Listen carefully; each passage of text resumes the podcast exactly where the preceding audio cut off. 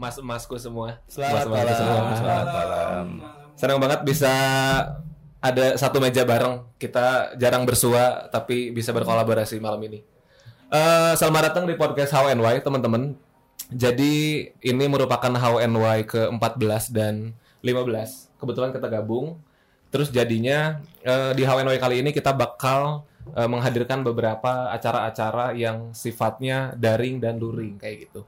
Dan salah satunya kita udah kedatangan kedatangan dua tamu spesial, ada Mas Dozi atau Mas Pradipta kalau nggak salah. Ya, betul. Dan Mas Vicky Fadilah atau Mas Pekong. Thank you banget udah mau didutang, didatang dan diundang ke podcast How and Why sekarang. Aku buka dulu contekan kayaknya. Wah, curang. Oke, eh mungkin kita awali dari perkenalan karena eh, teman-teman pasti pada pengen tahu nih siapa sih Mas Dozi dengan Mas Vicky itu. Boleh dimulai dari Mas Dozi dulu. Oke, eh, halo, nama saya Pradipta Firdaus Wicaksana. Eh, bisa dipanggil Dozi. Itu nama yang dikasih dari SD ya. Eh, saya ini lulusan ITENAS Berarti lulus tahun 2015, angkatannya angkatan 2011. 2011. Eh, siapa saya? Saya orang biasa yang melakukan kegiatan kreatif sebagai sumber mata pencaharian.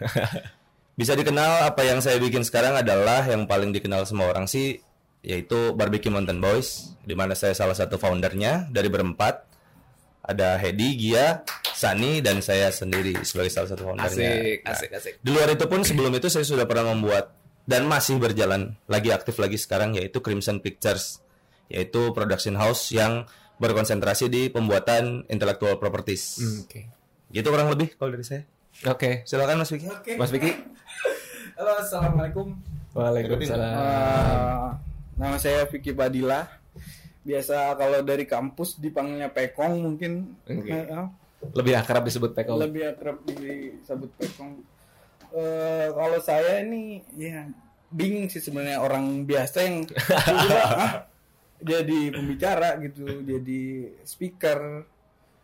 Saya eh, sekarang bekerja di beberapa beberapa kantor sih sebenarnya cuman fokusnya emang di eh, pemprov Jabar sekarang Hmm, di Pemprov Jabar. ya di konseptor gubernur Udah. Eh, Asik. Di mana mungkin kalau buat orang Itenas tuh agak-agak kok mana di sini sih? Kok bisa? Eh, kayak gitu gitulah tapi gimana caranya orang tetap jaga tren eh, ke apa liarnya Itenas kerennya Itenas biar ya sorry itu saya kalau misalkan memang eh, ranah itu dibilang agak kurang. Hmm, Oke. kurang aware kurang segala macem ya udah sih apalagi paling saya eh, foto juga masih jalan akhir-akhir ini masih foto eh, wedding fotografi masih jalan ya palu gada lah gimana Apa apa lu cari gue ada. nah ada. itu Oke, Gitu. jadi mungkin dari Mas Dozi ini the man behind Barbecue Mantan Boys dan Mas Vicky ini the man behind the government.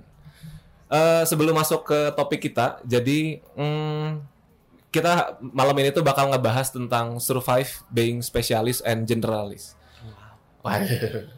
Mungkin itu salah satu pertanyaan besar bagi eh, teman-teman yang baru lulus atau bahkan sudah lulus beberapa tahun lalu tapi ingin spesifik atau general mereka eh, masih mencari tahu dan semoga malam ini kita bisa nemuin jawabannya bareng-bareng. Cuman sebelum ke situ eh, kita coba perluas dulu bagaimana 2021 dan 2020 berlangsung dengan bidang masing-masing. Dengan ada PPKM, COVID-19, apakah banyak penyesuaian terhadap pekerjaannya dan lain-lain? Dari Mas Vicky mungkin? Oke, kalau dari saya sebenarnya eh, kalau misalnya masalah yang lain nggak nggak terlalu eh, terganggu sih sebenarnya. Oke. Cuman kalau dibilang lebih santai, eh, apa jadi jadi nggak secure nggak juga sih, alhamdulillah nggak Oke. sama sekali nggak nggak ke nggak keganggu. Di kalau di ranah saya gitu. Nah, eh, apa? Cuman orang banyak mikir pas covid tuh, wah kerjanya jadi makin santai Hmm, Oke, iya. makin slow, makin ringan di rumah aja iya. gini-gini. Tapi itu enggak Tidak sama sekali. terjadi. Karena ternyata eh, di masa pandemi kemarin-kemarin yang alhamdulillah sekarang udah enak dari zoom ke zoom itu bisa durasinya bisa hanya hanya punya spare waktu dikit lah sebenarnya. Oh, padat-padat banget ya. padat banget. Eh, beda sama eh, kita datang langsung kita eh, offline lah. Offline tuh kan ada ada waktu jaraknya ke mana ke mana pertemuan ini ini ini nah justru ketika zoom materi yang kita buat harus Iya. ya biasa aja Iya. tapi eh, si intensitas zoomnya Iya, intensitas makin padat. si, eh, makin padat jadi sehari bisa sampai 8 pernah 9 nyiapin ke, karena minimal agenda itu sebenarnya 8 Oh, oke. walaupun nggak semua Hmm. eh, apa nggak semua presentasi ya Hmm. nah dibalik eh, itu semua eh, saya di ranah pemerintahan lah kasarnya eh, ikut ikut sedih juga sih sebenarnya karena eh, benar-benar eh, kerasa si apa ngelihat teman-teman kreatif semua Iya. yang kena segala macam gimana caranya kita bisa kontribusi apa buat bantu segala macam tapi alhamdulillah lah sekarang kita bisa agak lewatin lah ya Iya. kita bisa mulai offline lagi udah mulai berangsur eh, ppkm level-levelnya udah lewat gitu aja sih paling Oke. kalau dari saya Berarti mungkin malah jadi lebih padat agenda ya. Mungkin karena di daring itu nggak mengenal waktu, nggak mengenal batasan, bisa menjangkau seluas mungkin, jadi malah jadi makin padat ya. makin padat dari zoom ke zoom Iya. Jedanya cuman sedikit. Iya, tetap tetap ke kantor tetap sampai malah kemarin saya sempat juga covid Oh sempat sempat kena. Iya, Covid. Sempat covid. Jadi kalau di kantor itu kayak nunggu panggilan aja nunggu absen aja. Oh iya iya. Eh, dan alhamdulillahnya ini jadi cerita covid nih. Jadi cerita. Jadi ngerasain eh, ruangan sebelah ada yang meninggal ada keluarga kena. Itu Iya, tuh ngalamin banget kayak masa-masa seremnya itu. Tapi alhamdulillahnya pas saya kena eh, si gejalanya sih ringan Hmm, alhamdulillah oke.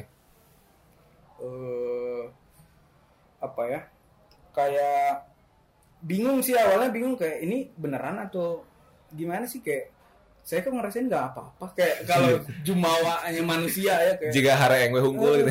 nah sih itu tapi yang bikin insecure kan keluarga kena Iya. dibawa ke keluar Iya. dari ibu bapak segala macam alhamdulillah dua minggu kayak eh, kayak buat rehat aja Hmm. jangan terlalu, eh, jangan terlalu capek lah nih Oke.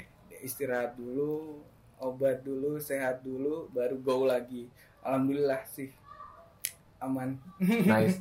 Mas Dasi gimana? 2021 Soal, soal pandemi So far. berarti ya. Iya. Kan mungkin eh, kalau boleh cerita sedikit dulu, Barbecue Mantan Boys itu kan memang kebanyakan syuting outdoor ya. Jadi memang eh, apakah penyesuaiannya itu jadi lebih sulit kah? Soalnya aku sempat nonton beberapa tuh ada yang eh, episode menanam di rumah. Nah, gimana tuh? Nah, ini yang seru justru kalau di Barbecue Mountain Boys sendiri itu kan sebenarnya yang kita fokuskan adalah bagaimana mengkonversi sebuah IP menjadi sebuah bisnis. Oke. Yang yang kita bisa lihat sekarang yaitu menjadi Barbecue Mountain Boys Burger. Ya. Ya, itu salah satunya. Tapi yang menarik di sini adalah ketika adanya pandemi ini, jujur aja gue sendiri eh gue lu nggak apa kan gue sendiri lagi lagi ngefokusin justru lagi ngejalanin si PH gue nih si Crimson Pictures Oh, iya, ini Crimson Pictures. Cuman karena banyak yang on hold karena pandemi. Nah, justru tuh kebalik tuh. Ini on hold, Barbecue Mountain Boys justru baru dilirik Oh. oleh brand. Karena apa? Banyak brand yang butuh aktivasi online. Iya, benar benar benar benar. Semua hal-hal yang sifatnya offline itu diputar. Semua hal sifat-sifat yang offline tuh langsung dipindahin ke online bikin konten. Persis kayak yang lu bilang tadi, itu adalah konten pertama kita yang berbayar dengan brand, yaitu di rumah menanam. Oh. Kita oke. bikin seri itu khusus Ya. untuk sebuah brand yang namanya harus disensor karena kita tidak boleh menyebutkan merek dalam institusi Oke. itu justru pertama kali kita jadinya punya konten berbayar bersama Oh, brand gitu. Nah akhirnya ya gue hanya merasa bahwa ya Tuhan mah adil ya lu di satu dihalangi Iya. muncul jalan lainnya gitu. Persis banget yang gue rasain di pandemi itu kayak gitu. Nah karena kita jadinya mulai konsentrasi ke situ, kita jadi punya peluang ke situ, kita juga jadi mikirin oh ya ya berarti ini tuh peluang kita untuk membawa gimana caranya si konten itu tidak hanya terbatas dengan apa yang mau kita sampaikan, Hmm, tapi ya. kita juga bisa nyari nih brand nih yang inline sama kita yang value-nya sama nih sama kita nih. Ya itu ya salah satunya itu yang pertama kali dibuat. Dan setelah itu ke sini sininya eh, mungkin teman-teman yang tahu mungkin ya pernah lihat juga kita kerja sama banyak brand lah setelah itu ya setelah itu kita kerja sama banyak jadi pembuka malah jadi Iya, pembuka itu malah jadi itu pembuka. jadi jadi jadi trigger yang paling kuat justru karena semua orang pindah ke online gitu. Cuman mungkin memang tantangannya ada di gimana kita mengkondak sebuah syutingan yang terbatas. Ah. Karena kebetulan gue pribadi memang bukan orang yang membentuk sebuah PH itu harus semua pos punya. Karena kan kita beda konsentrasinya kita ada di doku series. Ya. Artinya kita bisa menyederhanakan personil-personil yang ada Hmm. Untuk tidak terlalu banyak dan ya safety conductionnya tetap dilakukan gitu segala Hmm, macam oke. gitu ya sekarang yang jadi yang jadi posisinya banyak penyesuaian adalah hidung siap dicolok-colok itu yang males Oke. sebenarnya sampai sekarang dicolok. iya iya. masuk ruangan dicolok dulu tetap tidak biasa kan iya Meskipun sudah vaksin masih dicolok ya. ya betul wajib. saya udah vaksin udah dua kali bahkan kalau emang ada yang ketiga keempat saya minta belum boleh Oh. karena belum ada Bareng juga. Saya pengen sebenarnya ya.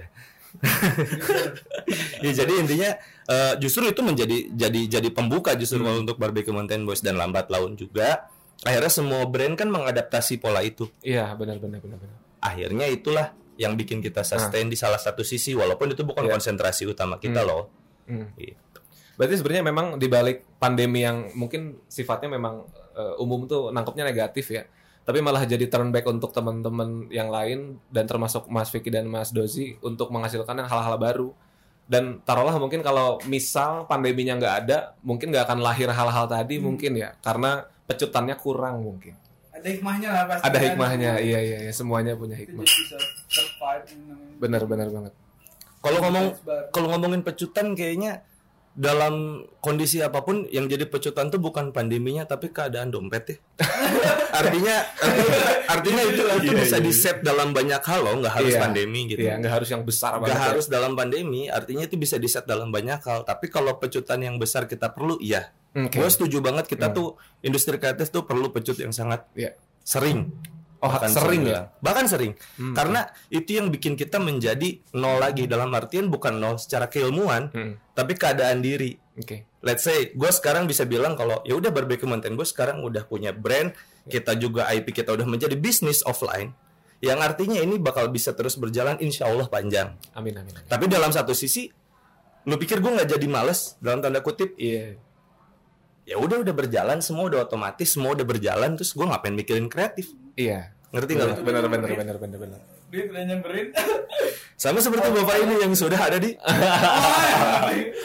masih jauh Karena yang menarik, Mas Vicky ini salah satu staf khusus ya, staf khusus dari tenaga ahli lah Oh, tenaga ahli. kontrak sebenarnya kontrak sebenarnya. Oke. honorer gitu Honorer, kalau, oke. kalau staf eh, tenaga ahli staf sus tuh biar lebih harum aja Padahal ya, Lebih harum. Itu beda bahasa, Pak. beda bahasa Beda ya. bahasa.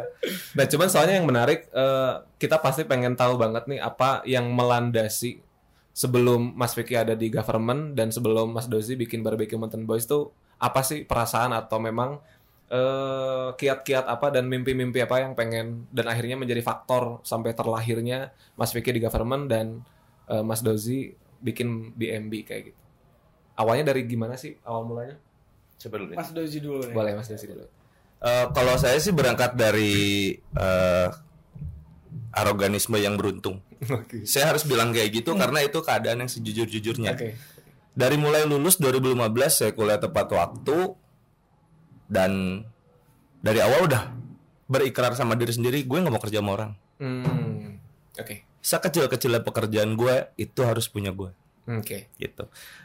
Itu kan arogan sekali untuk Oke. anak yang baru lulus Oke. gitu, yang nggak tahu apa-apa, nggak tahu industri itu arogan sekali gitu dan memang dibuktikan juga bahwa peluangnya si akhirnya kan waktu itu bikinnya Crimson Studio kan. Hmm. Crimson Studio itu tadinya formatnya one stop solution untuk semua bidang kreatif. A- Mulai awalnya. dari branding, ilustrasi, bahkan kita punya mural, bahkan kita Generalis punya lah. generalis. Itu Oh, generalis oke. parah Oke. dengan rentang orang-orang yang memang punya spesialis dalamnya masing-masing gitu. Cuman karena berangkatnya itu tadi, kita belum siap dengan yang namanya sistem. Ya. anak baru lulus kuliah, lu pengen show off, lu pengen panggung, lu pengen dompet lu tebel, Ya. lu pengen ngelakuin apa pun yang bisa lu lakuin. Yang lu lupa adalah lu mematuhi sebuah sistem.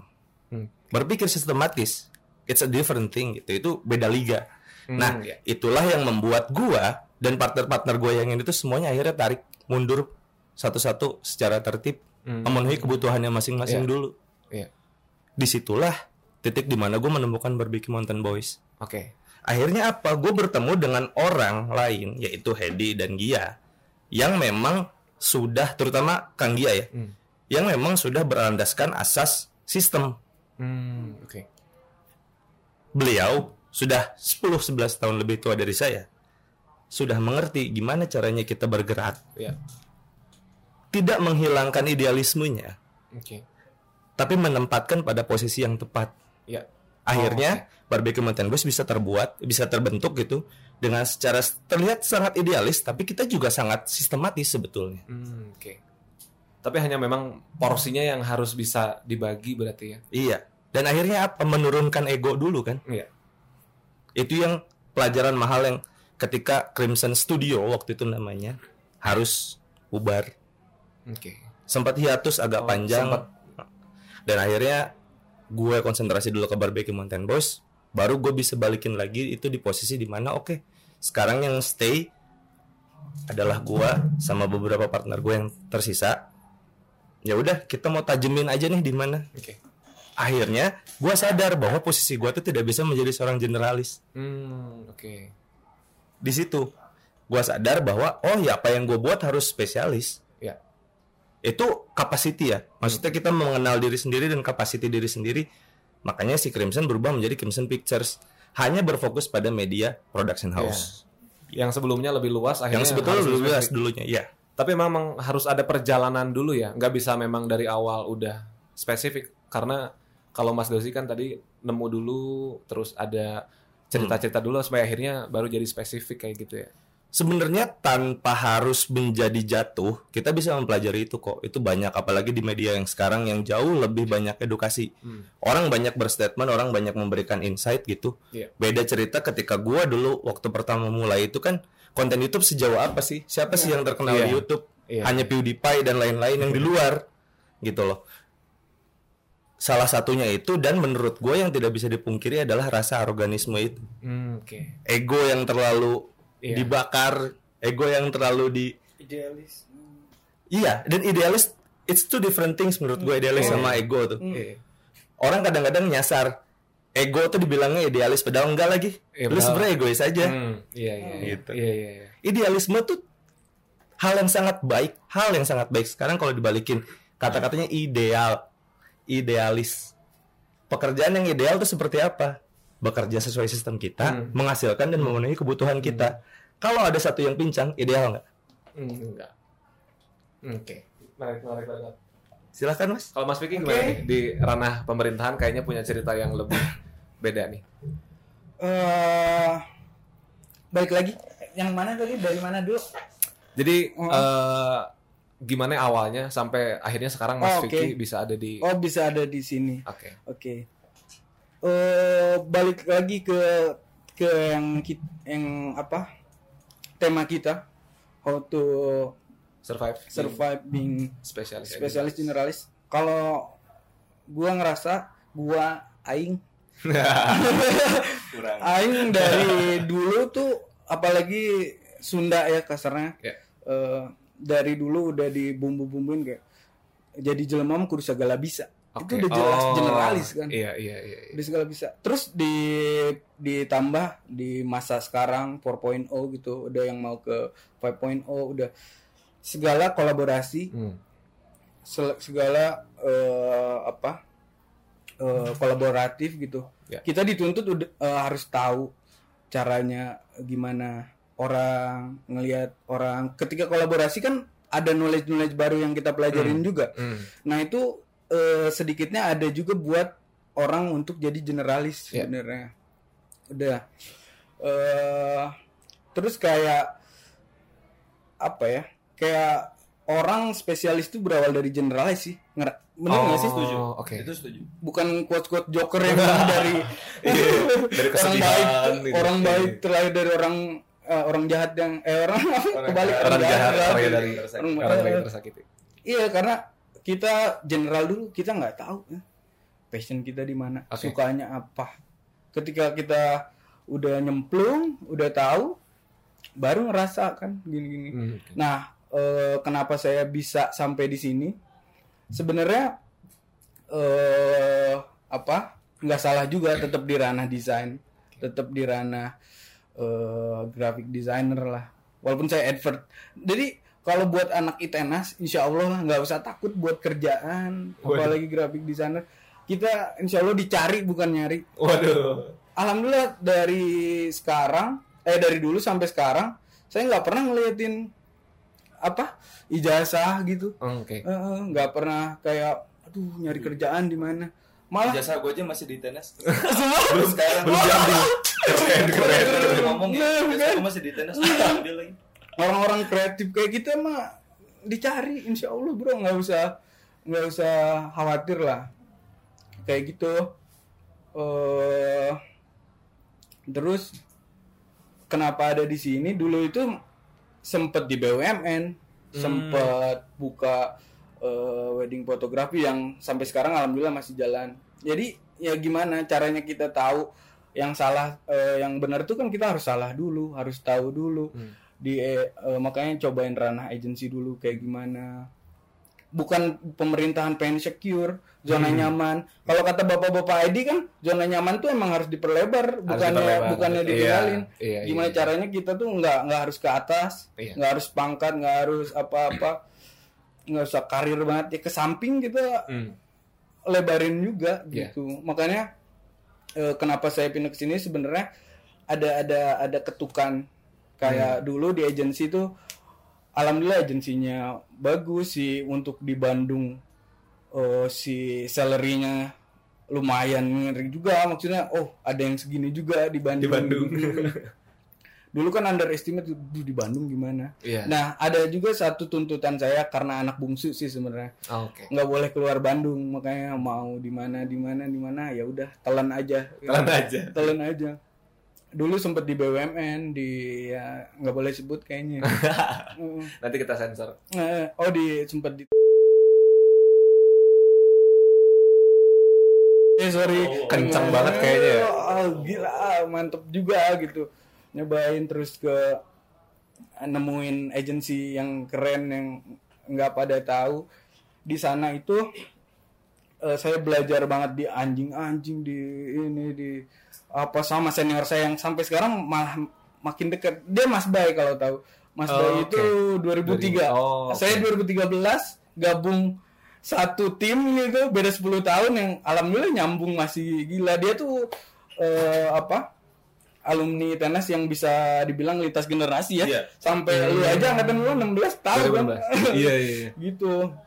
Nah eh, kalau ya balik lagi kata kata Dozi tadi kan kayak mimpinya nanti punya pengen punya sendiri kan Hmm. cuman butuh yang namanya cuan kan Iya, modalnya iya. itu segala Iya. macamnya makanya kalau saya masih belajar pindah ke mana pindah ke mana oh nyobain si banyak pelajaran dari agensi eh, nge-treat si klien Hmm. seperti apa nah sampai satu ketika ada ada ada tawaran dari konseptor gubernur Hmm, Oke. Eh, eh, kayak aduh ini jomplang banget nggak ya aduh gua ada temen nggak ya di sana aduh ada seumuran nggak ya di sana Oh, banyak aduhnya aduhnya dulu. ya? Iya, karena ya bener-bener yang agak-agak tak tanya aja dari tenas ada yang di ranah udah Iya. jadi Iya, PNS atau ranah pemerintahan nggak? Nah, di sana. Cuman ada hati kecil yang kayak mikir kayak lu kalau di di agensi bukan bukannya eh, apa muasin bos doang ya, cuman kayak lu cuman muat, muasin nggak cuman astagfirullahaladzim sorry lu muasin klien lu muasin beberapa pihak gini, gini. Hmm, ada ada satu satu ketukan kayak eh, ketika saya ngerjain konseptor gubernur gubernur yang eh, taruhlah at least eh, Jawa Barat itu 50 juta orang Oke. ketika saya bisa bantu seorang ini Hmm. yang warganya sebanyak itu warga paling padat di Indonesia eh, berarti si pahala buat gue itu Hmm, terus iya. ngalir gitu Iya, kan iya. ketika eh, presentasi-presentasi gue berfaedah Hmm. buat orang itu bakal jadi amal gue nanti Iya. kayak gitu ada hablum minanasnya kasarnya kayak aduh so, so soleh gitu tapi emang ada kecilnya gitulah sebenarnya selain saya juga kagum sama beliau Hmm. gitu dengan karya beliau dengan kinerjanya kayak gitu ya paling gitu aja Nah, cuman eh, kata-kata spesialis and generalis ini sebenarnya hmm, apakah memang seharusnya mencoba dulu semua dalam arti generalis dulu, terus menentukan akan tetap di ranah itu atau pindah ke spesialis atau kayak gimana sih? Soalnya kan eh, kita memahaminya spesialis itu memang expertise, dia expert di satu spot dan si generalis ini all rounder lah, dia ke mana-mana gitu. Dan kira-kira tantangan dari masing-masing spesialis dan generalis yang paling seru apa sih?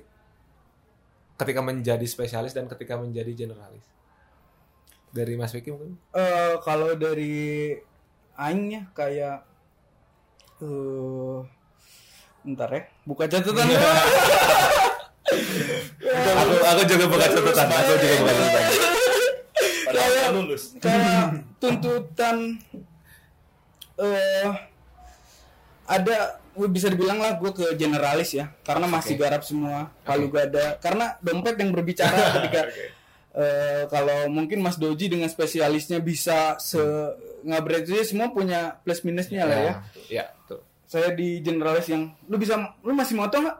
Masih sikat Hmm. lu masih branding nggak? Masih sikat lu masih segala macem? Ya ketika itu rezeki nggak Oh, bisa iya. di- nggak boleh ditolak kan. Oke. makanya sikat-sikat aja gitu udah gitu eh kalau kalau tantangan dari si generalis itu ada ada generalis trap Generalis trap. eh, eh, kayak kalau generalis mediocre sih biasanya Waduh. yang bisa segala tapi nggak jago banget kan oke, oke. Heeh. kayak gitu eh intinya pilihan aja sih kita yang bisa nentuin Hmm, oke. mau Iya. generalis atau spesialis gimana Om Dozi yang lebih paham selaku senior saya Sebenarnya gue nggak juga nggak paham-paham banget kayak eh, sebenarnya ini dua statement yang menurut gue kayaknya tuh baru keluar di issues di anak desain dua tahun belakang ya. Oh, malah belum lama sebenarnya. Menurut gue ya, Oke. karena gini eh, ada perubahan tren ketika dulu anak kita katakan industri kreatif kita nggak usah mengkotak-kotakan mana interior segala macam DKV segala macam nggak ada kita katakan industri kreatif ada perubahan besar seiring berkembangnya teknologi yang tadinya capaiannya adalah bekerja di agensi Iya. multinasional Hmm. dengan salary bla bla bla bla Ya. bla dua digit dua digit dengan sekarang yang lu udah te- terbuka sebegitu lebarnya membuat sesuatu Oke. even though itu adalah bisnis yang sebetulnya tidak berdasarkan eh, tidak berintikan kreatif tapi dengan kemampuan kreatif lu lu bisa mengenhance bisnis itu menjadi lebih relevan ke masyarakat paham nggak Paham, paham. nah issues ini generalis and spesialis ini menurut gua isu issues yang recently karena di era gua semua orang capaiannya ingin bekerja di multinational agency Hmm. Hampir semua orang ingin ke sana dan orang yang udah berhasil di sana akan segan bang. Wey, Oke. langsung gitu semua orang tapi karena mungkin gue berangkat di kultur ITNS yang di mana anak-anaknya ini gue harus tekankan yang di mana anak-anaknya itu berprinsip bagaimana caranya kuliah tidak mengganggu main Oke. itu prinsip gue Oke, oke, dari kuliah ya Oke. I'm sorry itu saya gue harus bilang ini seadanya bukan untuk ditiru Betul. bukan untuk ditiru bukan tapi kalau lu bisa ngeliat angle itu asik lagi sebenarnya Iya. Iya. karena gue lulus tepat waktu tapi gue nggak pernah keganggu mainnya gue Iya. nah itu poin di mana menjadi generalis dan spesialis harusnya di exercise Hmm. bukan ketika lu udah lulus Iya. paham nggak Iya. Oke. lu nggak punya waktu men udah lulus lu nggak punya waktu Iya. akan ada pertanyaan Hmm. even tuh nggak dari orang tua lu akan ada pertanyaan dari diri lu sendiri gue udah lulus mau ngapain Iya, iya, iya. gua di exercise jauh sebelum lulus gua di tenas, di tenas itu udah di exercise sama gua sendiri. Karena apa? Gue melakukan prinsip di mana gue harus kenal banyak orang sebanyak mungkin. Gue harus main sama siapa pun, termasuk sama adik kelas, sama angkatan atas. Kayak tadi Vicky udah bilang ada ketemu Mas Bay yang jauh banget angkatannya 2000 berapa gitu. Tapi gue juga tetap ngobrol sama kalian-kalian semua yang ada di sini gitu yang angkatannya jauh banget di bawah gua karena poinnya apa? Semuanya tidak sependek generalis dan spesialis tapi lebih ke kalau bahasa muslimnya hablum minanas kali ya. Oke. Hubungan manusia Iya. gitu. link oh link selama ini juga saya dapat kerjaan gitu bukan dari teman sekolah tiba-tiba aja ada Hmm. nih siapa nih kenal nggak pernah sekolah Iya. sekolah nggak seangkatan Tiba-tiba nggak- muncul. jadi yang penting tuh ngobrol apa-apa senyum apa-apa ya attitude lah ya balik lagi mannernya Iya. Itu bakal ngikutin insya Allah gini percaya sama gua kayak baik itu investasi yang nggak akan pernah kenal kata rugi Oke. asli kayak Asik asik asik asik. nanti ada aja balasan ini kayak eh gue tiba-tiba dapat proyek ini dari mana ya Nah. oh Hmm. mungkin dari dari keba- kebaikan-kebaikan gue di Iya, masa lalu atau misalkan dari 10 jari nyokap gue yang Hmm. ngedoa gitu wah mujarab banget Kalau ya istilah Sunda mah ada goreng kubasa. ada ada yang kubasa Ada goreng. Ke Ada goreng kubasa gitu. Artinya kan itu se se, se elemental itu dan orang tuh juga kadang-kadang tidak meng-highlight itu sebagai keilmuan yang harus lu tetap pegang. Ya. Ya. lu di dalam tanda kutip lu disarukan oleh ilmu institusi-institusi yang ada konotasi pakem-pakemnya yang mana itu semua benar Ya. itu benar ilmu-ilmu yang kita dapat di kuliahan itu benar Hmm. gitu itu semua aplikatif tapi apakah itu mewakili lu sebagai ma- manusia? Hmm. menurut gua ada sisi yang lost di situ. Ya. nah beruntungnya tadi gue bilang gua adalah orang arogan yang sangat beruntung. Makanya kenapa orang nggak boleh kenapa gue harus meng-highlight beruntungnya?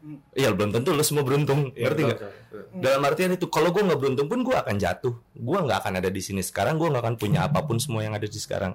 Alhamdulillahnya gue beruntung. Dan gue merasa keberuntungan gue ini dibentuk oleh itu oleh kultur di mana gue tidak membatasi lingkup sosial gue untuk ngobrol sama siapa pun Ya.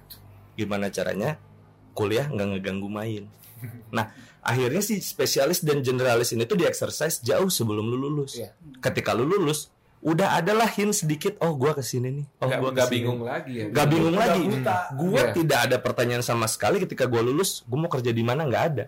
Gua langsung gua langsung tahu kayak apa pun yang gua kerjain gua nggak mau kerja sama orang. Iya. Karena gua udah nge-reflect dari senior. Jadi kan akhirnya itu kan di diasaskan kepada kebutuhan, Hmm. kemampuan diri sendiri mengukur diri sendiri kan. Hmm. Oh, kalau gua kayaknya gue butuhnya lebih ke steady job, gue butuh yang salary segini, rentang karir gua dua tahun segini, tiga tahun gua harus di sini. Orang ada yang seperti itu dan gua tuh bukan orang yang kayak gitu. Ketika gue denger cerita-cerita senior yang kerja di agensi Jakarta, iya gua harus begadang gini-gini. Tapi duit gua gede men, gue bisa ini ini ini. ini. Tapi gua, tapi nah gua gua selalu mendengar kata-kata tapi dari mereka. Oke. ada Dan tapinya nah ada Oke. tapinya. Dan akhirnya gue cuma memutuskan, nah gue nggak mau hidup pakai tapi lagi. Oke. Gitu. Oke. Menarik banget. Eh berarti se- sebenarnya secara nggak langsung ada masing-masing tuh punya momentum tersendiri. Dan kebetulan banget tuh HWNY sekarang tuh namanya momentum. Wah. Oh, oh ya momentum bagus sekali. Bapak sudah biasa jadi host ya. Apakah Bapak betul? Oke. Oke, gini, ini ini ini baru gue ceritain kayak baru inget, baru inget. Percaya nggak gue bisa masuk konseptor gubernur dengan ditanya "Eh, saudara siapa, titipan siapa yang gue cuma bisa jawab titipan Gusti Allah. Waduh. Ini tuh dari ngedesain. Jadi jadi gue tuh ada ada tiga pakem sebenarnya. Oke. Ceritain kayak ada tiga pakem yang yang bisa eh nentuin eh gue ambil atau enggak si proyek ini. Jadi yang pertama eh, kedekatan. Hmm. Yang tadi ya belum minus lagi ya belum minus lagi Iya, emang manusia gitu kan. Kedekatan seberapa deket gue sama orang itu. Hmm. Yang kedua seberapa banyak value-nya ketika gue kerjain. Hmm, Yang oke. ketiga ya udah belum minanas. Hmm. Nah ketika lu punya belum minanas itu punya eh apa? Ikhlas. Ikhlas tuh another level of Hmm. sabar. Udah Iya, kayak ya udah lah. maksudnya eh, n- nanti tuh ada balasan. Gue pernah ngedesain nggak dibayar sama sekali. Ya yang ini balasannya enam tahun kemudian. Gue tuh dapat proyekan pemerintahan tuh 2014 zaman 2014. DKV informasi Iya, oh. tolong packagingin beras dong ini mau dikirim ke Eropa Ber- Oh. beras. Eh, beras beras Cibesi beras merah aing masih ingat Cibesi. Cibesi di mana beras merah Iron water. aja? Ya. Beras iron terus water. kayak hah iya gimana gini tapi di otak kayak wah ini pasti proyek gede nih Hmm, Ya, dulu oke. tuh masih buta kayak, Oke. proyek gede nih kirim ke luar negeri gini gua kerjain dikirim lah da- eh, mereka suka mereka eh, akhirnya dikirim si packagingnya entah di mana ya dulu tuh lupa. Di Ukraina apa tuh di mana gitu. Pameran beras itu. Ya udah tapi akhirnya aduh sorry banget. Udah Hmm. dipakai tapi nggak dibayar. Waduh. Nah di situ ada yang namanya ya udah nggak Oke. apa-apa. Gua masih dikasih bekal masih kuliah. Yang mikir porto doang siapa yang tahu 6, ta 6 tahun kemudian 2000 oh 5 tahun kemudian 2020 gua dikontak eh, kasarnya untuk balas balas budi lah Oke. untuk bayar itu Oke.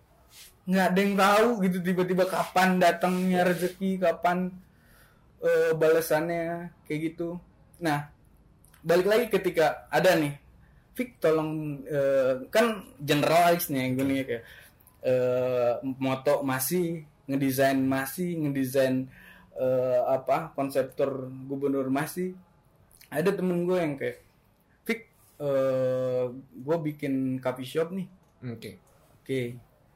Nah, gue deket banget sama dia kan, kayak oh ya udah gue kerjain dulu. Akhirnya dipakai, dijadiin logo, iya brandingnya dipakai lah ya. Udah gitu gue kan mikir deket banget ya sama dia. Eh, berapa tuh eh? Ya nggak usah lah, santai. Gue bilang kayak kan kita temen banget gini gini gini gini. Emang itu nggak boleh dicontoh sih. Cuman ini mah gaya gua ya, gaya gua, gaya gua gitu kayak Oke. Eh, ya udah mana deket pisan sama aing aing butuh apa mana kasih orang sering minjem lensa orang Hmm. sering main ke rumah sering makan ya udah santai aja oh mentang-mentang udah di sini nih udah banyak duit ya udah nggak butuh duit nggak gitu tapi ya balik lagi itu Iya. pakemnya orang kedekatan gua sama dia deket banget nah udah gitu ikhlas kan berarti Hmm. ya udahlah nanti juga akhirnya dia kayak sabar sih anjing aing boga duit Aisyah aing kan bayar sih bukan masalah nominalnya lebih ke kayak Ya, murah. bukan nominal. hmm. akhirnya dia kayak ah anjing pusing nyangges maneh ngopi gratis seumur hidup dia. Wah.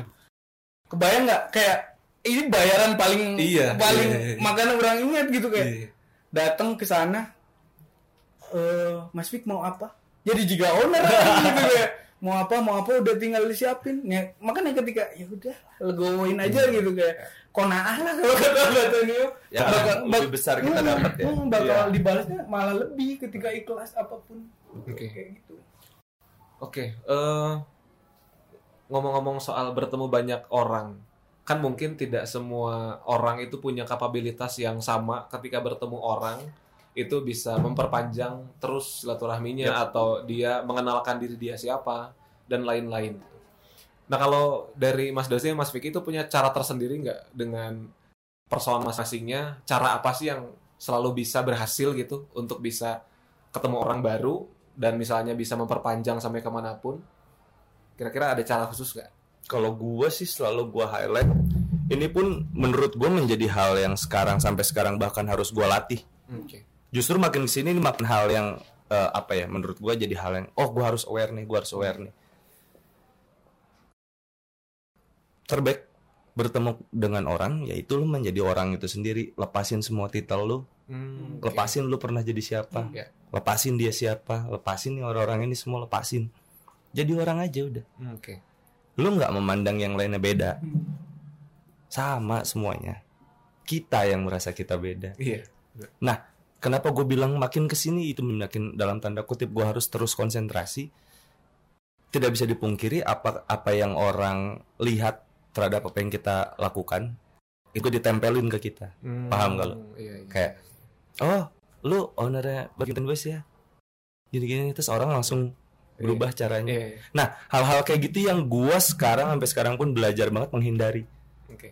Gua sering banget datang ke banyak tempat tanpa membawa nama itu sedikit pun. Hmm. Tanpa membawa nama itu sedikit pun supaya apa gua tahu. Oh ya udah, kalau lu cuman bisa menilai hanya sampai situ berarti kita belum bisa ngobrol nih. Hmm. Nanti ya kalau lu udah lepas, gua udah lepas. baru kita ngobrol. Baru kita ngobrol. Oh. Dari caranya juga kelihatan ya. Ini Iya, iya. ada Kelihatan. apa, Jadi terlalu gimana gitu. ya. Dan bahkan gue sering banget ke resto tuh kayak gua gak pengen kelihatan gua Hmm. Oke. pakai hoodie kayak apa kayak gitu. Gue ikut ngantri. Itu sering banget gue lakuin kayak gitu. Tapi tahu lagi. Jadi Akhirnya maksud ketahuan gua, juga. eh, maksud gue, gue cuma pengen tahu ini Hmm. apa sih sebenarnya yang terjadi di Iya, sekitar sini. Karena itu kan harus yang gue selalu perhatikan. gitu. Hmm, Oke. Kayak gitu sih. Kalau dari Mas Vicky?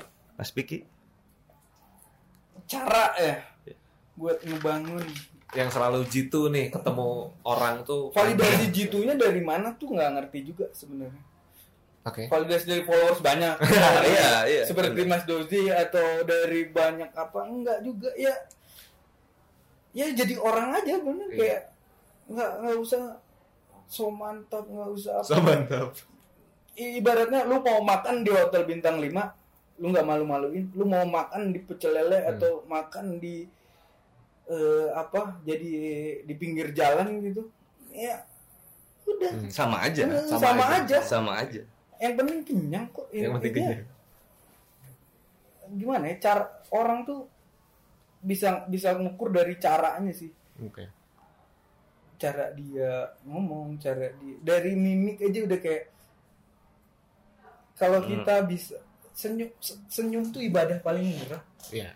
nah sih nggak usah sosok mantap lah mana sa saya dan saha gitu Raffi Ahmad gue bagir katanya kayak, eh, maksudnya kayak senyum kayak apa Ya tapi gue paham sih sebenarnya angle pertanyaan Hmm. dia tuh lebih ke khususnya kalau dikhususkan kepada Hmm. industri kreatif ya Hmm. orang-orang yang Iya. industri kreatif kan kalau tadi Pak Ustadz Vicky udah menjelaskan secara humaniora tapi kalau menurut gue kalau secara desainer mah sesederhana gimana lu bisa merunutkan oh, oke Hmm, oke oke. oke paham gak lu Merenutkan. lu kan lu udah berpikir desain artinya sebenarnya itu semua hanya lu rubah variabelnya Hmm, Oke. yang tadinya adalah aset grafis, yang tadinya adalah tipografi, yang tadinya adalah ilustrasi. Nah, lu rubah nih variabelnya, tapi lu semua harus runut kan. Hmm. Lu tahu alur informasi mana yang pertama harus Iya. disampaikan, yang Iya. mana yang harus di highlight, yang mana hanya tambahan. Hmm, oke. Yang kalau nggak nggak cukup waktunya yang ini nggak usah. Iya. Berpikir desain artinya lu bisa melihat sesuatu jauh lebih luas Oke. ketimbang dari orang pada umumnya. Dan menjadi tanggung jawab lu untuk tahu siapa lawan bicara lu sampai mana level komunikasinya. Gitu. Di samping, ya kayak tadi gue bilang, lepasin aja udah. Entitlement yang lu punya, siapa dia lepasin aja. Tapi lu gunakan desain untuk the art of communication. Hmm, Oke. Jadi memang sebenarnya si keilmuannya bisa diterapkan ke mana-mana ya? Banget, banget. Gue ngelihat desain tuh jauh lebih kompleks daripada yang orang bayangkan tentang tipografi, tentang. Tulisan bola gambar. bulat-bulat yang muter-muter loncat-loncat ini ini jauh lebih kompleks daripada itu gitu. Berpikir alur informasi artinya kalau dalam desain visual kan siapa tipografi apa yang cocok, yang temanya masuk, Hmm. ukuran ilustrasi mana yang lebih besar, artinya dia informasi utama yang harus Hmm. disampaikan, informasi pertama yang orang harus tahu. Hmm. Ganti variabelnya dengan Iya. siapa diri lu. Orang ini level komunikasinya sampai mana. Kira-kira kita bisa ngobrol di bagian mana ya? Kira-kira orang ini eh, butuh tahu informasi gue yang mana ya? Hmm. Kira-kira gue butuh tahu informasi dia yang mana ya? Itu berpikirnya sama. Variabelnya aja dirubah-rubah. Hmm, Oke. Berarti memang sebenarnya kan kita sudah ya taruhlah semua eh, materi itu tuh kita punya masing-masing nih di kepala Yap, kita. yap. Tapi memang ada yang sudah bisa eh, mengganti variabelnya seperti kata Mas Dozi, Ya. ada yang mungkin eh, bentuk variabelnya beda sendiri dan lain-lain memang harus selalu dicoba terus ya. Hmm.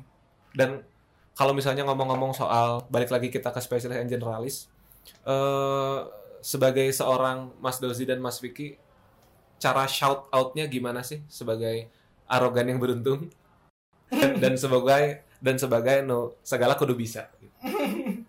Cara shout outnya gitu di era yang informasinya kan deras parah sekarang ya. Apa pun mudah diakses, semuanya bahkan berganti menit berganti berita, berganti detik berganti berita. Hmm. Cara shout outnya kayak gimana sih? Cara apa ya? Sebenarnya eh, kalau gue tuh nggak pernah kayak branding apa pun gitu. Nggak nggak seperti Mas Doji yang udah ada eh, paknya udah ada si rumahnya. Oke.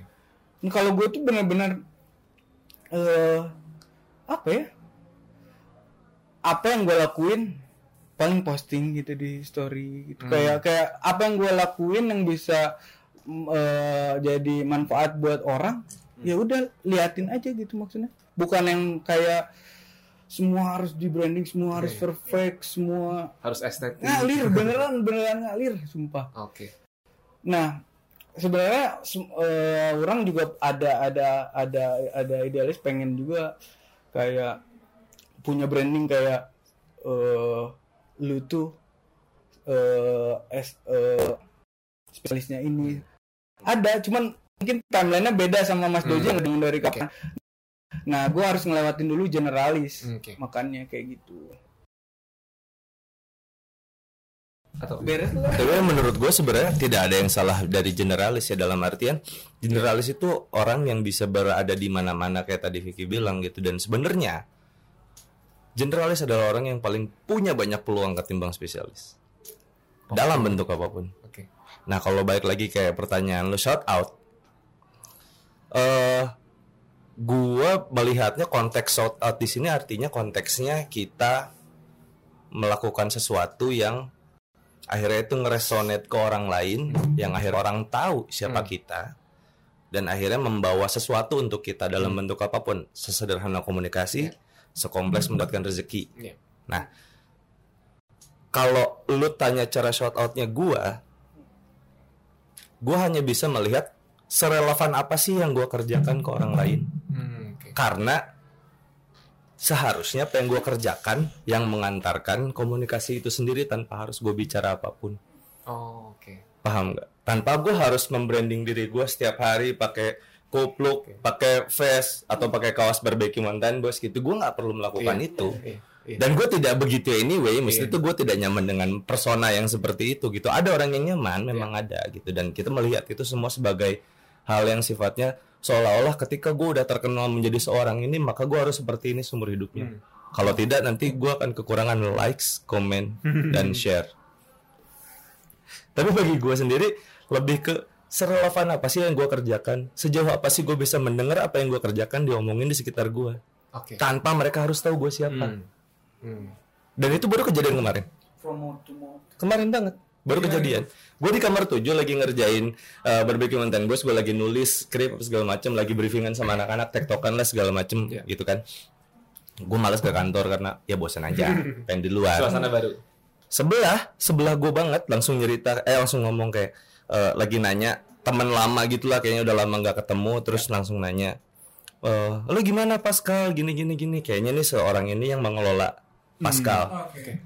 Terus langsung yang gua dengar adalah eh gimana burger yang kemarin burger yang kemarin itu yang baru itu masih di situ tempatnya. Posisinya masih di situ. Dan itu tuh sebelah gua. Banget. tanpa dia harus tahu siapa gua gue mendengar oh relevansinya ini ya. Oh yang dia highlight ternyata eh, ternyata adalah kalau kemarin kasusnya kebakarannya. Tapi dalam artian gue mendengar apa yang gue buat itu udah dibicarakan oleh orang lain tanpa mereka harus tahu siapa gue dan menurut gue itu oh ternyata insightnya dia gini oh ternyata yang dia tahu tuh ini bagian mana ya yang bisa gue kasih informasi lebih tanpa harus ngomong langsung Hmm, oke. yang gue mau kasih informasi lebih ya nanti di medianya baru cuman Iya, iya, bos iya. gue langsung Tempatnya. mas tahu nggak saya adalah Gak usah. Diorasikan. Gak bisa kayak gitu gitu bang bahkan artinya apa artinya desainer itu harusnya bisa mengukur serelevan apa sih yang lu kerjakan Hmm, Oke. kalau kita bilang karya ya Hmm.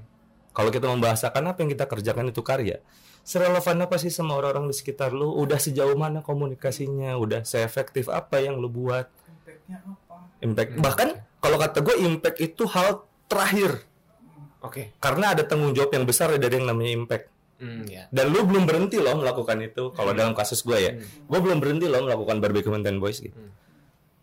Kalau ngomongin impact menurut gue hal yang paling terakhir karena bisa dibilang impact itu bisa diciptakan ketika ada sinergi dari beberapa bidang pekerjaan atau bidang konsentrasi keilmuan impact gak bisa dilakukan oleh logo gue harus bisa harus bilang itu Ya. Logo tidak akan pernah mendamaikan dunia. Betul.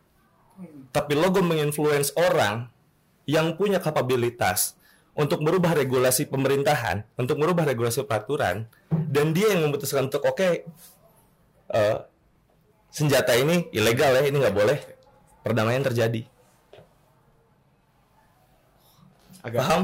cukup berat memproses memproses dalam dalam dalam dalam dalam Tapi ya nongkrong aja. nongkrong aja kan Gampang mah nongkrong aja. banyak ngopi banyak ngobrol teman tuh rezeki udah jelas Tapi asam lambung. ah, itu penyakit di sana tuh asam lambung tipes karena begadang terus Ah, dan ngopi begadang terus. Aku tuh soalnya pernah nonton salah satu eh, tiktoker Ya. jadi dia dia itu kerjaannya kerjaannya aktivitas yang dia lakukan di dalam konten tiktoknya itu menanyakan orang apa yang kalian lakukan untuk hidup gitu Ya. terus banyak banget pertanyaan eh apa jawaban-jawaban yang menarik gitu tapi ada satu yang aku highlight banget ketika dia nanya apa yang kamu lakukan untuk hidup terus si orang itu ngejawabnya eh, ketemu banyak orang dan sebar kebaikan kata dia Hmm. gitu terus itu kan sangat sa- bukan basic apa ya itu fundamental tapi waduh Iya sih, dan mungkin di mana semua orang tidak merasa ti- dan tidak memegang itu semua. Mungkin sebagian tuh lebih ke ya udah gue kerja keras, gue begadang, gue nyari kantor yang besar, gitu. padahal dia bisa melakukan sekecil ketemu orang dulu dan baik kayak gitu ya. hmm. Oke, menarik Dan itu banget. menurut gua nggak bisa dipotong di situ lagi. Kita balikin ke kasus yang tadi ya, mari kita panjangin dikit. Oke. Uh, dia kerja keras, ngambil kantor yang sangat besar. Dia mencari salary 2 digit tadi nih, ya kan? Brand multi. Multi yang tadinya dia harusnya bisa bekerja yang lebih sederhana dan banyak ketemu orang dan segala macam lah. Oke. Tapi yang jadi pertanyaan adalah apakah kita benar-benar tahu motif di belakangnya? Hmm, Satu oke. itu. Yang kedua, apakah dengan dia bekerja di NGO yang misalkan salarinya jauh di bawah itu, dia bekerja ketemu banyak orang, dia happy ketemu banyak orang, tapi dia ngeluh? Iya. benar. Sekarang pertanyaannya yang baik yang mana? Meanwhile dia di sini happy. Iya. Iya. Akan menjadi relatif Get jadinya. the point. Nah, jadinya akhirnya kan kita yang harus setajam mungkin mengukur diri sendiri. Ya. Itu yang paling berat menurut gue di era sekarang. Oke. mawas diri Mawas diri. Itu paling berat, men. Karena semua hal itu nyuruh lu untuk ngelihat yang lain. Hmm. Hmm, Oke. Ngerti gak lo? Oke. Semua hal tuh nyuruh lu ngeliat yang lain. Kapan sih lu punya waktu untuk ngeliat diri lu sendiri? Gue bisanya ini, gue nggak bisanya ini. Gue cukupnya ini, gue kurangnya ini. Bahkan mungkin sebagian udah lupa ya untuk lihat diri sendiri dulu. Sedihnya ya. Sedihnya iya. Waduh. kadang tuh mikir ngejar apa sih Waduh. mau ngejar apa Waduh, malam ini termotivasi banyak. Aduh. Oke. eh Oke, aku mau nanya sesuatu lagi. Work life balance dari Mas Dozi dan Mas Vicky kayak gimana tuh? Sudut pandangnya dan menerapkankah? kalau kalau gue jelas-jelas iya dan harus Harus. harus gimana caranya kita kalau maksudnya bukan bukan self reward self reward kayak gitu apa ya kayak eh work life balance tuh ngejaga silaturahmi ya. Ya nggak sih sebenarnya tuh? Kayak eh kalaupun eh apa kalaupun kita ini lagi bingung lagi bimbang apa gitu. Hmm. ibaratnya lagi jenuh aja di kantor yang cara yang paling benar kan ketemu temen ngobrol segala macem. Nah balik lagi kantor gua nih bisa dibilang eh, orang-orangnya bukan di ranah desain bukan di kreatif. Umurannya juga nggak ada yang seumuran. Kayak untuk mereka punya prioritasnya masing-masing. Udah kayak eh, enam punya goalsnya masing-masing. Ketemu anak ketemu istri. nah gua ke mana? Ngapain? Sesederhana ngelihat instastory orang ada di mana. Oke. oh udah lama ketemu nggak ada salahnya kok ketemu. Pasti dapat value apa knowledge Ya. apalah minimal. Ya. nah itu itu selalu dijaga sih tiap minggu tuh pasti ngopi aja. Kalau misalkan eh, tiap minggu pasti ke Mas Agi ke Kuro ke Ekara pasti. Jadi buat refresh aja sih sebenarnya. Di balik kalau misalkan dibilang lu kerja masih ngeluh alhamdulillah mungkin sekarang udah enggak. Cuman kalau dibilang eh, kerja eh, butuh tetap temen-temen yang satu satu frekuensi itu kan harus ya. Hmm. makanya work life balance tuh penting banget. Kayak pulang kerja tuh pasti main dulu kalau gua. Nggak langsung ke rumah karena masih bujangan juga. Apalagi ketemu orang baru ngomongin apa dapat knowledge apa. Ya nggak pernah rugi lah buat buat banyak silaturahmi sama orang ngobrol sama orang Oke. gitu Mas Dozi Mas Desi. Ya kalau gue sih nggak upgrade apa yang udah gue pernah pegang di kuliah ya. Gimana caranya kerja nggak ganggu hidup? Bukan kampus lagi sekarang hidup. Sederhana. Karena sebetul sebetulnya akhirnya kan yang jadi pertanyaan apa sih konotasi hidup dan itu beda-beda tiap orang. Iya. Bagi gua hidup ya udah keluarga nomor satu. Keluarga itu tidak terbatas hanya pada eh, anak ya, karena gue juga belum punya. Tapi ada orang tua, ada kakak, ada adik gitu dan keluarga, teman-teman. Teman-teman ini siapa? Teman-teman ini orang yang akhirnya semakin ke sini, kayaknya lu juga ngerasa dia makin ke sini makin kecil. Tapi letihnya bertambah. Oh iya. Nah itu yang gue jaga tuh. Oke. Jadi keluarga, teman-teman, baru relasi. Oke. Itu outer circle. Nah gimana caranya kerja itu nggak ngeganggu itu? Dalam artian apa? Gue harus bisa meninggalkan apa pun yang gue lakukan dalam konteks namanya kerja. Ketika keluarga gue itu membutuhkan gue detik itu juga. Kerja tuh harus bisa langsung Iya. dan dan menurut gue itu bukan yang jelek ya. Hmm. Dalam arti kalau mau dibilang kekayaan siapa pun siapa pun, lu semua setuju lagi pasti Iya, iya. keluarga lu paling utama lu kerja buat siapa emang Hmm. kalau kerja hanya untuk fame untuk uang untuk prestasi yang apresiasinya dari circle yang bahkan lu tuh nggak kenal itu fana men. Dan nggak ada habisnya mungkin ya. gak ada habisnya Tolak ukurnya soalnya diri sendiri dan tidak ada kepuasan yang cukup. Oke. jadi gimana caranya kerja nggak ganggu hidup Wow. Oke. Satu pertanyaan terakhir deh. Oh enggak, mungkin satu bahasan terakhir. Eh tentu aku yakin Mas Dozi dan Mas Vicky sangat-sangat bisa menginspirasi kita semua yang denger. Apa pesan terakhir buat sebelum gue meninggal Waduh. Iya, padanan katanya agak quotes quotes Mas Doji gitu quotes aduh itu itu itu sebenarnya statement yang paling gue ini mas jujur aja ya gue mau ngasih tau ke lo ini semua dari tadi enakan cuman bagian itu buat podcaster berikutnya menurut gue ganti deh Oke. karena bagi gue sebenarnya daripada lo ngomongin pesan terakhir lebih ke kayak gue lebih ke pengen kayak kapan waktu kalau mau ngobrol ayo Hmm, Oke. karena menurut gue nggak ada yang namanya pesan terakhir kecuali lu meninggal Betul. Betul, betul. Pernah tahu kapan pesan terakhir kita ini Iya. Iya, iya, iya. Jadi kalau buat gue pribadi kayak ya udah kapan waktu lu mau ngobrol ayo kita balik lagi lepasin semuanya jadi orang aja. Jadi orang. ada quotes dari zaman bahasa pariwara Pak Hendro tuh I love you Pak Hendro Wow. Pak Hendro. yang masih nempel sampai sekarang jadi jadi kayak buat buat buat gue kayak eh, apa-apa ya udah. Ada ada quotesnya rezeki singa itu nggak akan pernah ketukar sama rusa Waduh. Iya kan? Is, ya maksudnya kayak orang gila ada rezekinya bisa hidup bisa apa. Rusa makannya rumput. Singa bisa makan rusa ya maksudnya Iya, nggak akan iya, ketukar. iya. gua nggak bilang gua singa atau lu rusa atau siapa rusa siapa singa ya udah udah ada Sudah diatur. Eh, tinggal lu- ono signatur. Wes ono signature. signature itu Oke, seru banget malam ini pasti banyak banget yang bisa diambil.